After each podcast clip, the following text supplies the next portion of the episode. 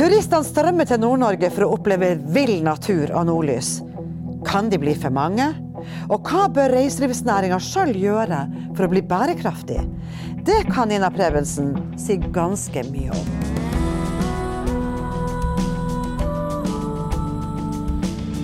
Observatoriet. En forskningspodkast fra UiT Norges arktiske universitet. Med Geir Hevnskjell Ringvold, mannen som lurer på det meste, og Marit Anne Hauan, som bokstavelig talt lever av fortellinger. Og en ny, spennende forsker hver uke.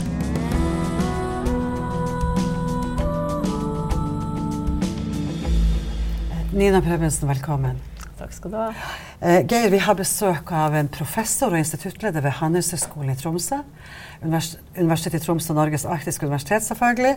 Og hun er økonom med marketing som sitt ekspertisefelt. Og det vi skal snakke med hun Nina om i dag, det er noe vi alle sammen involveres i i vårt liv. Og gjerne i vårt privatliv og fritid. Det er nemlig turisme. Ja. Tenk, altså det, da tenker jeg et forskningsfelt som tar for seg noe alle på et eller annet stadium har opplevd sjøl. Og syns noe om. Oh. Og har, er, føler seg som ekspert på. ja. Det er jo det som er kanskje utfordringa med å være turismeforsker, det at uh, alle vet veldig mye. Ja, ja, det er klart det. Ja. det men uh, det er jo flott. Da har vi jo et utgangspunkt å jobbe videre fra. ikke sant? Det er jo det som er at Da kan vi snakke med disse folkene som mener mye, og så får vi se ok, hvis vi også skal drive næring, hva må vi da tenke på? Hvordan skal vi gjøre det her for å få det til, for å bli attraktiv nok og, ja, og konkurrere med de store? Altså, Min sånn, på en måte, førsteinntrykk av av turisme, det som jeg liksom husker som det første eksempelet på turisme, det er jo en liten sameleir inne i Tromsdalen. Som finnes på masse postkort fotografert, og ei, ei reisebøker av engelskmenn som kom her på 1890-tallet, rundt forrige århundreskifte. Mm. Så er det en samisk familie som sitter inne i Tromsdalen og tar imot turister. Um, veldig enkelt. De har sjøl plassert seg der. Det er jo en del av deres vandrings, sommer, vandringsløype.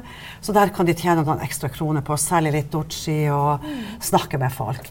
I dag så er jo reiselivsnæringa en av de mest uh, voksende og sterkeste voksende næringene i, uh, i, som vi kan måle i dag. Mm. Men, men, men turismeforskninga, eller reiselivsforskninga, hvor gammel er den? Ja, man begynte jo rundt sånn 60-tallet. Eh, og, og 70-tallet kom det jo litt sånn mer. Og da var man veldig opptatt av hvorfor kom turistene, altså det med turistmotivasjoner. Og man begynte å dele dem inn i segmenter, altså, altså at man hadde ulike typer eh, turister. Og så begynte man å, å, jobbe litt med hva var det de gjorde. Ikke sant? Så veldig sånn deskriptiv type forskning, egentlig.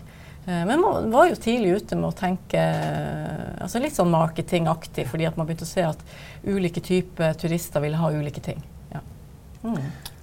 Er det noe du merker at eh, altså allerede på den, eller merker man allerede på den tida at eh, Norge, eller Nord-Norge, sier det jeg tenker du er mest ekspert på, da, mm. eh, hadde noe å tilby? For vi har jo ikke noe, ikke så veldig imponerende sånn gamle ruiner og sånn som kanskje mm. mange andre plasser i Europa og sånt. Det blir jo vi besnært av, for vi ikke har det. Ikke altså, det er veldig viktig å tenke på det. Og, og, og Derfor er det ofte litt ok å få andres blikk eh, og se på hva er, er, hva, hva er, det som er fint her oppe. Altså, hvem snakka om nordlyset for 30 år siden, 40 år siden? Så det var noen som begynte med det litt og hadde litt suksess, men nå er det sånn, nå skjønner vi at vi har hatt noe tilgjengelig mer eller mindre, da, for det kommer og går litt. Men, men uh, som vi kan også drive business på. Ja, for det må vi si at ja. det har vært en voldsom endring i besøk av turister til Nord-Norge. Ja. Uh, vi som har jobba på museum, har jo f.eks. før hatt sommersesong med dobbelt opp av verter, mens vi nå har en helårssesong. Mm. Mm. Eh, og vi har hotellene fylt eh, opp av turister. Og når du går inn i Tromsø by f.eks., og sikkert også Alta og mange andre byer i Nord-Norge, så er det jo babelsk forvirring når det gjelder språk. Du hører jo liksom ikke norsk som hovedspråk lenger på eh, kveldene når du er ute og spiser, eller når du går gjennom byen en søndags formiddag. Så denne endringa kan kan man beskrive den på noen måte? Er det noen sånn knep sammen? Ja, ja, altså det, det, er sånn at vi ser en økt tendens til det som vi kaller for spesialinteresse. Altså at du, du, gjør gjerne det samme som du er interessert i, men på litt nye måter, nye former. Som f.eks. Hvis, du, hvis du liker å sykle i hverdagen, så sykler du gjerne også på ferie. Altså de spiller over en sånn greie. Uh, og det ser vi jo, det at folk vil mer og mer være ute i naturen. Og så vil de samtidig oppleve disse naturfenomenene som vi har. ikke sant? Sånn at det har vært en sånn tendens. Uh, jeg har lyst til å, se deg litt på det at det, det liksom sånn, hva det heter, altså, voldsomt mange flere turister over hele Nord-Norge, for det er det jo ikke. Nei. Det er jo noen steder, kanskje Tromsø, eh, Lofoten, noen plasser som har liksom det som du betegner som fullt. Mm. Eh, det som er utfordringa da, det er jo hvordan klarer vi på en måte å attrahere og, og dra disse turistene innover og nordover og i det hele tatt. Sånn at vi får eh, altså en, en, en bærekraftig eh, næring og bransje. Mm. Ja. Mm. Altså få dem ut fra ja. sentrum og, ja. og, inn i, i de strøk, ytterste øyene og innerste fjordene. Som er nydelige. Masse flotte ting. Det er jo perler rundt omkring. Altså det, det, vi, vet, vi vet det. Kanskje vi vil ha det for oss sjøl. Men, men, men, men altså, poenget mitt er at, at eh, det er veldig lett for å, stå i Tromsø og si 'å, så masse', og her og nå er det fullt, og nå vil vi stoppe. Men mm. kanskje fins det måter å gjøre ting på, og forstå dette landskapet på at vi kan fordele det litt, også, og, og, at det blir litt mer bærekraftig på sikt på den måten. Ja, der, altså, Peter Wesse Zapfe, filosofen fra Tromsø, han sa jo at vi måtte holde hemmelig. Måtte la være å snakke om de fine plassene våre, ellers så ble de overfylte med mm. besøkende fra andre plasser. Så det en, var jo en gammel vis mann som sa det, men nå er vi i en helt annen situasjon. Vet næringa hvordan de skal eh, klare å, å, bli suksessfull og fortsette å være det. Kan mm. næringa mm. turisme ja. i dag? Jo, mye, altså, det har skjedd veldig mye på kort tid. Mm. Uh, og de vet hvordan de skal ta imot. Vet, og vi ser jo nå disse programmene som går på, på TV sånn, om, om, hvordan de tar seg av dem og kjører dem ut og lar dem gjøre ting. Uh, men vi er jo litt sånn med på kanskje å peke på at, at f.eks. det her med å involvere og lære opp turisten har voldsomme effekter på sikt, så positive effekter. Eh, Bl.a. at de har lyst til å komme tilbake. Eh, og det har vi jo testa ut i ulike næringer og, nei, ulike land og, og så videre. Så, så det begynner de jo også, å skjønne, eh, og, og, har jo lagt inn mye mer aktiviteter der turisten sjøl deltar og gjør ting. Altså det vi kaller for co-creation på fint, altså samskaping av verdier. Og det, er, det, handler egentlig bare om å la turisten gjøre sjøl, men du må gjøre det på en litt finurlig måte. Du må tilrettelegge på en måte som gjør at det blir attraktivt. Kan du komme med et eksempel på det? Ja, eh, F.eks. å lage sin egen fisk. Lage sin egen fisk? Ja, så, uh, mat, sløye? Mat, ja, sløye. Fiske, selvfølgelig. Og også sløye den. Men å, å kokkelere, lære seg nye ja, Sånn, ja. Eh, Tilberede. Ja. Tilberede, ja. var det kanskje ja. det ordet. ja. For det er sånne ting, altså det, det, er sånne funn dere gjør. For mm. dere, det er forbrukeratferden som er litt sånn ja. ja. Hvordan forsker du? Vis, fortell oss hvordan du forsker. Altså, da begynte jeg med reiseliv, det er jo 30 år siden jeg begynte. så det er noen det sier jo litt om hvor gammel man er. Men i alle fall så, så er det veldig mye om fenomenet, om hva er det vi holder på med. Og det var, liksom, vi måtte jo ut der og, og, og, og lage oss noen eh, hypoteser på en måte og teste dem ut. Så da er det første du gjør, det er å snakke med folk. ikke sant? Og se på, gjøre mer sånn eksplorative studier, som vi kaller det for. altså Dybdeintervjuer og den type. Og så samler du såpass mye materiale at du kan begynne å stille noen spørsmål, og du kan lage noen hypoteser og modeller som du tester ut da blant publikum eller i, hos næringslivet eller hvor det måtte være. For å få kunnskap. Hva er det som egentlig gjelder? Hva, har vi noen signifikante eh, altså gyldige eh, forskjeller i, vi, i, i, disse tingene. Sånn at vi sier at OK, det vi har nå nylig testa ut, er jo nettopp dette med eh, involvering og deltakelse i opplevelsen.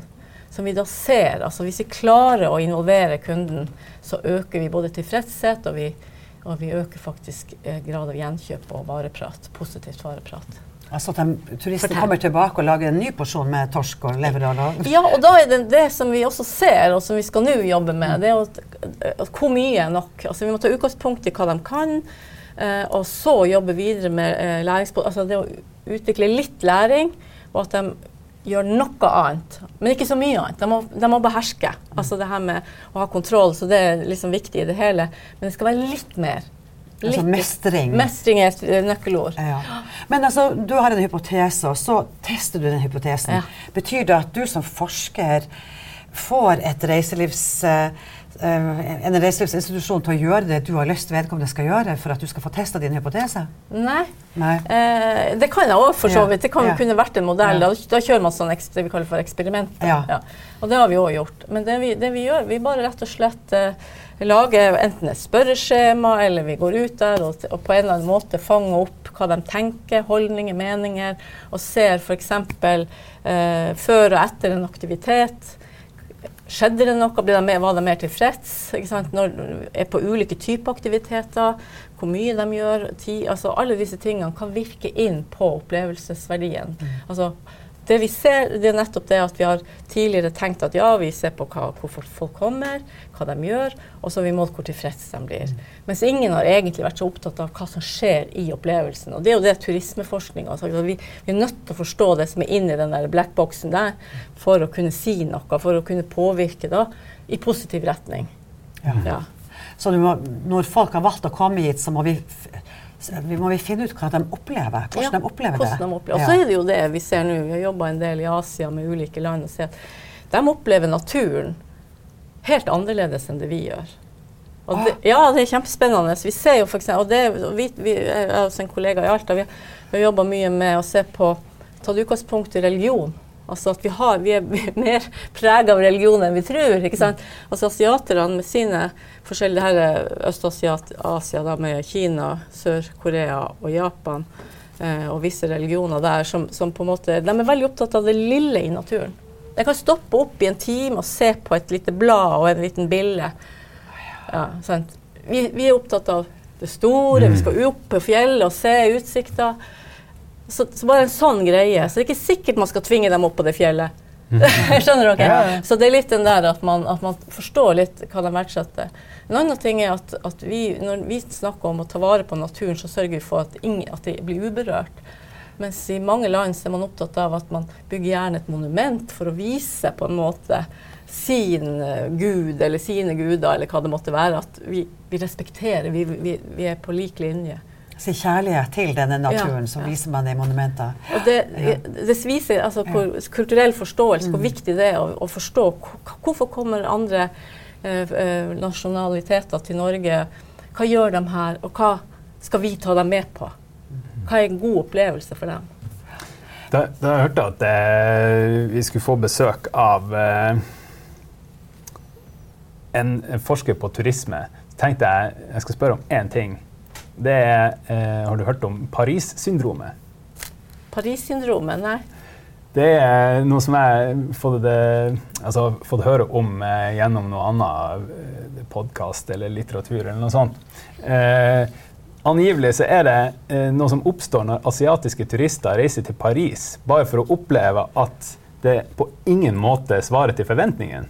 Så de går inn i en depresjon og får en, en reaksjon på at uh, det er liksom altfor langt mellom tingene. Det er liksom grått, masse trafikk, og det er kø overalt. Og ingenting var som de hadde forestilt seg. Så jeg skulle bare høre, er det noe spor av det i forskninga di? Ja, for vet du det at uh, i 2012 var det vel, så publiserte vi en artikkel som gikk på det her med at du egentlig, det er veldig mye hverdag i turismen. Og det, det at du, du finner, lager deg strategier for å takle det. Altså, vi kaller det for coping and co-creating.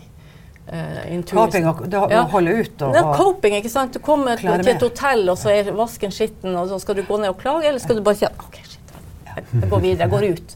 Eh, det er kø, det er sånn og sånn, kanskje skal jeg en annen plass. Uh, altså, du, du, du takler ting. Og noen er jo, er jo der at de gjør det. Hvis du kommer veldig langt ifra, så er de kanskje litt engstelige på å prøve de tingene. Og da må jo vi tilrettelegge igjen for at de får det de vil ha. Paris er jo veldig mye, så det er jo litt synd hvis de skal sitte jeg tenker jeg. Eh, Ja, men november i Paris det kan bare være gråvær og kulde og ubehag. Og, ikke sant? Så det er jo noe av det. Men her nord så har vi jo er vi jo så stolt av våre høye fjell. ikke sant? Lyngsalpene. Det var fjell når jeg var barn, nå er det blitt alper. Vi har nordlyset, som du selv har nevnt tidligere. Det skinner jo på vinterhimmelen vår. Og er jo så vakkert, og vi har sjøl oppdaga hvor vakkert det er. på en måte, reoppdaga det. Og så var vi jo så heldige her i en kort periode at hvalen kom inn i fjordene våre. Men hva skjer når eh, ikke sant, Du kan si Akropolis står jo der hele tida. Mm, mm. Triumfbuen i Paris står der hele tida. Men hvalen han finner jo på å dra til Skjervøy, eller han drar et helt mm. annet sted. Det er hvor silden er. ja, det er hvor selvfølgelig silda. Mm. Så hva skjer? Hvordan skal vi hvordan skal vi, når vi driver med turisme og reiseliv, hvordan skal vi tenke rundt dette at hvalen faktisk kan forsvinne? Vi får lære litt av fiskerinæringa, da. Altså, de, de har flytta seg etter De har fiska på forskjellige sorter, de har flytta seg etter etter fisken. Eh, og de har takla ting på en, på en måte altså når, du, når, du, lever av naturressurser, så, så skjer det jo uforutsette ting. Og, og, også det kan du planlegge for ganske mye av det. Vi vet jo at nordlyset er sånn, er det 10 eller 11 års sykluser. Mm. Så vi kan vite at det kommer til å bli svakere. Eh, hva gjør vi da? Ja, men Da må vi jo bare fortelle det på en annen måte.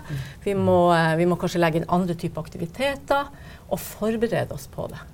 Altså, vi skal ikke sitte der og sulte når ikke de kommer. fordi at vi ikke har noe. Så vi må tenke gjennom at vi har veldig mange, mye mer. Og da er det jo andres blikk vi må hente eh, inspirasjon fra. For jeg tror at vi, når folk kommer, f.eks. For du fortalte her om disse engelskmennene som var, dro for å se hundene på hundeløpet.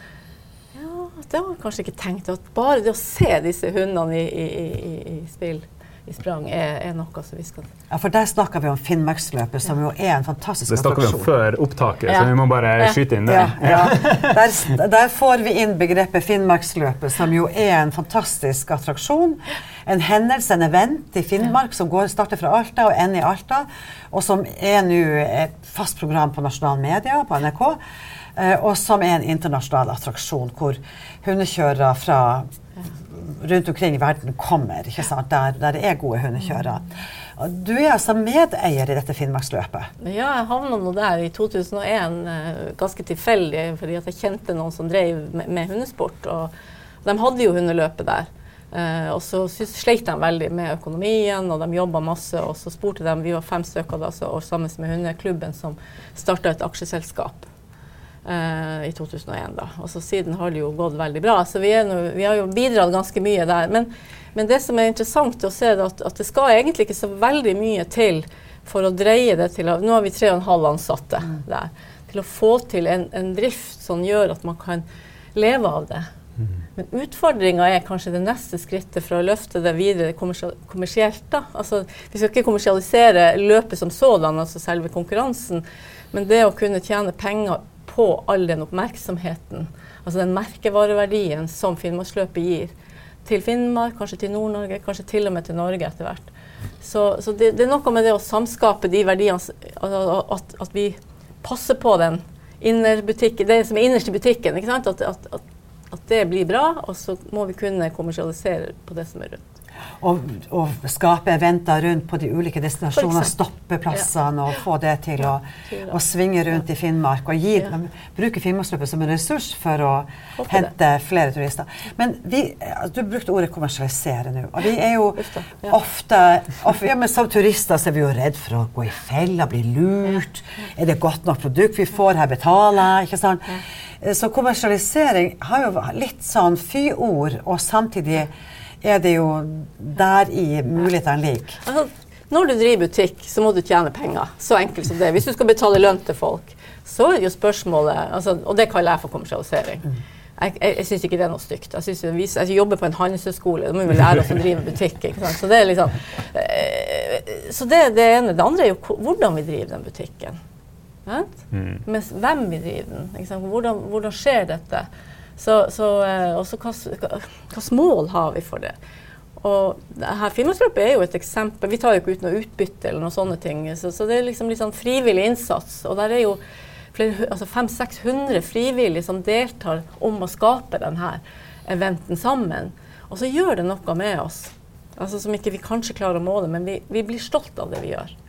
Vi deltar i å produsere verdier for fylket vårt, eller for Og, og at eh, plutselig så er vi kanskje ikke noe som er oppe i nord der, vi liksom, men vi er stolt av regionen vår. Og det skal vi fortsette med å være. Men er det nok for økonomen i det? Altså, Nå er jeg bare med i styret. Jeg var jo styreleder i sin tid og, og sånn. Eh, og det er klart at det, det, det, var veldig mye tid som gikk til. Men heldigvis har jeg jo samla de dataene, så jeg skrev i bok på det. Sånn. Så jeg kan jo tjene litt. fra, fra idé til suksess! Ja, ja, ja. har jeg skrevet i fjor. Så den kom ut. Og da, da, er det litt det der med å se på hva er det som bedrift at man kan gjøre et event som bare er en uke i året. Hvordan i all verden skal du drive det helårlig? eller på en måte. Det er Begrensa for hvor mye penger det er i sånne hundefòrprodusenter som ja, får vi, logoen sin på sleden. Jeg vet ikke om jeg kan si, men, men generalsponsor er jo Sparebanken Nord-Norge, så det, vi har jo mange på laget her. Mm. Og Universitetet i Tromsø, ja. som jubilerer for sine 50 år, er også en viktig sponsor der. Og en viktig aktør inne med studentene på Eh, som Absolutt. frivillige og lærere. Men du, eh, det er jo noe underlig dette her med økonomien i vår tid. Altså, man tenker seg at økonomer de er kjempegode på penger og aksjer og, mm. og på rentefoter mm. og liksom alle disse her tingene. Men nå er altså økonomer kjempegode på snøras og ja, ja. risiko og turisme og reiseliv. Hva er det som har, har det implodert? Ja. Men det er jo det som er økonomi. Altså det er jo Hvis ikke folk kommer altså Det er jo inntektssida i økonomien.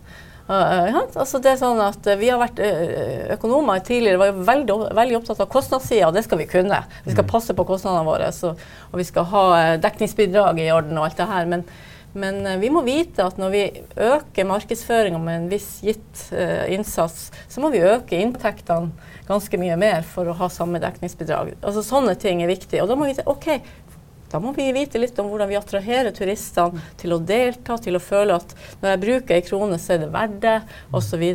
Altså, vi må ikke blande økonomi sammen med at det er å lure folk. Det er jo helt meningsløst. Vi driver, alle vi har jo lønn. Mm. Og vi forvalter jo lønna vår på en sånn måte. Vi har lyst til å ha noen opplevelser ekstra, og vi betaler jo for det. Mm. Jeg, er veldig interessert i om, om reiselivsnæringens yeah. ulike organisasjoner og institusjoner bruker deres kunnskap. Tar de, tar de det dere har funnet på alvor, og tar det med seg når de skal planlegge ja, neste år? Ja, mer og mer. ikke sant. Og nå har vi jo disse klyngene som på en måte Vi har jo et, en klynge her i, i, i uh, hva heter Arena lønnsomme vinteropplevelser, som har vært en må kalle en suksess med 72 medlemsbedrifter. Og vi ser, når vi sammenligner de bedriftene med de som ikke er med i klyngen, så ser vi at de gjør det signifikant bedre økonomisk over disse årene de holdt på. Altså, det må jo være noe. Hva, hvorfor? Så kan man spørre seg hva er det som har ligget i det. Jo, man har fått, man snakker sammen, man jobber kanskje mer sammen, og man, man utvikler produktene i lag og har mer systematisk eh, arbeid i forhold til altså, Hva er det som, som tiltrekker? Hvordan skal vi tjene penger på det her? Vi snakka litt om eh, din bakgrunn. altså at du, du, har vært med på å starte suksessen med Finnmarksløp bl.a. Men enda lenger tilbake i tid, hva var det som eh, fikk deg interessert i akkurat dette feltet? Veldig tilfeldig, skal jeg si det. en sydentur? nei, nei, nei, altså egentlig så det å reise Jeg, har ikke, jeg er egentlig ikke så interessert i å reise. Så jeg, ikke, ja, altså det, jeg syns det, det, er mye arbeid. Så, ja. Men i alle fall Les heller om det. Jeg syns heller med god bok. Altså, men det er nå meg. Så jeg er jo litt sånn, kan de si, sånn outlayer på. Men uh, nei, altså det som Jeg var ferdig student, begynte å jobbe i et uh, stort internasjonalt firma. Bodde i Oslo. Uh, Jobba hele tida. Så tenkte jeg nei, nå må jeg nordover. Og så fikk jeg jobb da. Så var, det var akkurat da krakket var. Så det var ingen jobber i Norge. Mm. og det her er så langt tilbake som til 88. Mm. Og da var det én stilling som jeg fant, som var noe Det var venninna mi som sa det. Jeg hadde en reiselivsgreie oppe i Alta, på Høgskolen i Finnmark. Så jeg kan, jeg kan, jo ta den jobben til jeg får en ordentlig jobb, tenkte jeg. Sånn, til verden liksom roer seg litt. Men så var det veldig spennende og fint miljø, og vi jobba i lag, og vi liksom utvikla ting, og studentene holdt på med forskjellige ting. Og så og så plutselig så, så bare begynte det, og, og, så hadde jeg gode kollegaer som hjalp meg litt med å skrive. Jeg hadde en kollega fra Bergen som satt sammen med meg og sa du må skrive sånn. For vi hadde jo ikke, det, altså, vi hadde ikke den kunnskapen om å skrive artikler i den tida i Norge. Veldig få, i hvert fall. Og så fikk jeg liksom, liksom drahjelp derifra. Også. Økonomer var ikke vitenskapsfolk på den tida? Altså, på samme måte som Men generelt, ja. AS Norge, vi publiserte ikke artikler. Det begynte vi først med på slutten av 90-tallet. Mm. Sånn. Og det er bare så kort historie. Vi gjorde jo ting, men vi, vi hadde ikke den der skriveferdigheter inne helt, tror jeg. Eller fokuset på det, for det kommer jo disse poengene og alt det som har kommet i akademia som man kan jo kritisere. Men, men sånn, og dermed så lærte vi å si ok, da må vi lære oss det. Og så gjør vi det. og så, og så når du liksom har knekt de der skrivekodene og det, så plutselig så, så begynner de internasjonale kollegaene dine å stille spørsmål om ikke du vil være med på prosjekter. og det ene med det andre, og Så skriver man bøker i lag. og så utvikler. Og da, da merker Jeg altså jeg tok jo doktorgrad ganske seint. Jeg tok det i 2006. Og da tenkte jeg at når jeg er så gammel som det og, og, skal ta en doktorgrad, så må jeg bare lære meg det her. Virkelig. Så, så da skrev jeg seks artikler og smekka det sammen og, og leverte. Og så, og så, fant jeg ut at det er ikke så vanskelig. Og det, det er liksom mitt uh, budskap til studenter. Det er egentlig mye lettere enn man tror. For man, man lager det sånn større barriere enn det. Ja. Det er veldig interessant dette du sier, at du skulle finne deg Det var en jobb i reiselivet, og så skulle du finne en ordentlig jobb. Etterpå, ja. og, så, og så, det, så, blir det altså faktisk en karriere. Og samtidig som du har denne reisa, så har jo reiselivet og turismen i Nord-Norge hatt ei reise som ligner på profesjonalisering. Og, så du, du, har jo gått parallelt med, med næringa, og det syns jeg er kjempefascinerende. Men jeg er nødt til å spørre deg eh, når vi snakker om reiseliv og turisme, så snakker vi om det eh, i segmenter. Det er de som vil gå på skilyngen, og det er de som mm. vil stå stille og rolig og se på hvalen i mm. Kaldfjorden, og det er de som vil ja. Men er det forskjell på kjønn? Og da, jeg, har ikke, jeg har ikke sett så veldig mye på kjønn, men det er litt forskjell på kjønn. ja, men, og Det ser jeg i annen forskning. at uh, F.eks. tyder det på at uh, menn tar større risiko sant, enn kvinner. og sånn. Så vi må bare holde dem litt i ørene. Så, uh, Nei, altså det, det, er nok uh, Nå tror jeg jo det at uh, at det, det, det, blir mindre og mindre forskjeller. vi så for vi hadde bedrifter som drev med sånn scooterturer i Finnmark for en del år siden. De holder enda på, altså, men til å begynne med så var det liksom gutter på tur, og det var full fart og fres over vidda og sånn. Eh, nå er det ikke riktig sånn. Det er jo noen selvfølgelig som gjør det, men det med at kvinner også tør å kjøre scooter sjøl. De skal ikke bare sitte bakpå. Og sånn. Så det har skjedd noe, heldigvis noe der òg, tenker jeg. Og så er det litt det der med at eh, Det er jo et godt eksempel med scooterturer at, eh, at uh, til å begynne med så var det veldig om å gjøre å ta dem langt. For det var jo liksom det vi satte pris på, ikke sant? Mm. Mens etter hvert så skjønte vi det at en liten tur i løypa sånn en times tid er kanskje nok for de aller fleste. hvor, hvor, er de forskning, eller hvor er turismeforskninga om 50 år? Oi. Hvor står vi der om 50 år? Ja. Hva holder man på med? Hva spør man om? Hva slags hypotese har man? Ja, si det. Nei, altså eh, Hvis vi går inn og ser på det som har skjedd de siste 30 årene, så er det går sakte fremover. For det, det, er veldig lett å, å synes og tenke. Men hvis du skal gjøre en ordentlig sak og så dokumentere og teste ut, så tar det ganske lang tid eh, å finne ut av. Men jeg tror, det tror jeg, og det har jeg, jeg jobba de siste årene, jeg hadde et lite opphold i Vestfold, eh, på Høgskolen i Sørøst-Norge også, så vi samarbeider jo litt, eh, at forholdet mellom marketing, innovasjon og ledelse, det, altså det koblinga der kommer til å bli det store. Altså, vi, vi, holder på med marketing for oss sjøl eller ledelse. Så f.eks. serviceinnovasjon kommer til å bli et svært begrep, og også det vi kommer til å tjene penger på på sikt. Så vi må forstå det enda bedre. Hva er det for noe? Og da, og da tenker jeg ikke på services, altså ikke på tjenestene, mm. men at det er en måte å tenke på. Altså den, eh, du skaper eh, Du kan tilrettelegge for at kunden kan delta igjen ikke sant? i å skape verdier for seg sjøl. Og da er, skjer det ingen verdiskapning, for kunden er der og gjør det. Du kan tilrettelegge så mye du vil. Du kan produsere biler herfra til evigheten. Hvis ingen kjører den bilen, eller kjøper den, så, så er det ingenting. Da er du konkurs. Ikke sant? Sånn at det er noe med det totale bildet. Og så er det noe sånn verdiforslag. Altså du, vi kan foreslå verdier for kunden, men vi kan ikke produsere den ferdig. Sånn snur verden seg. Eh, spennende. Så, og, og for deg tenker jeg, å ta del i den reisa som har vært. Ja. Og for oss som, eh, som, bor her oppe i nord og har sett eh, den veien eh, turismen har tatt der oppe. Mm. Eh, og det blir gøy å følge med på fortsettelsen. Mm. Ja, altså, det er jo det. Det blir veldig spennende å følge med på fortsettelsen. Og det å se at dette feltet blir en vitenskapsgren mm. på en sånn nydelig måte som du har vist i dag. Tusen takk for at du kom, Nina. Takk.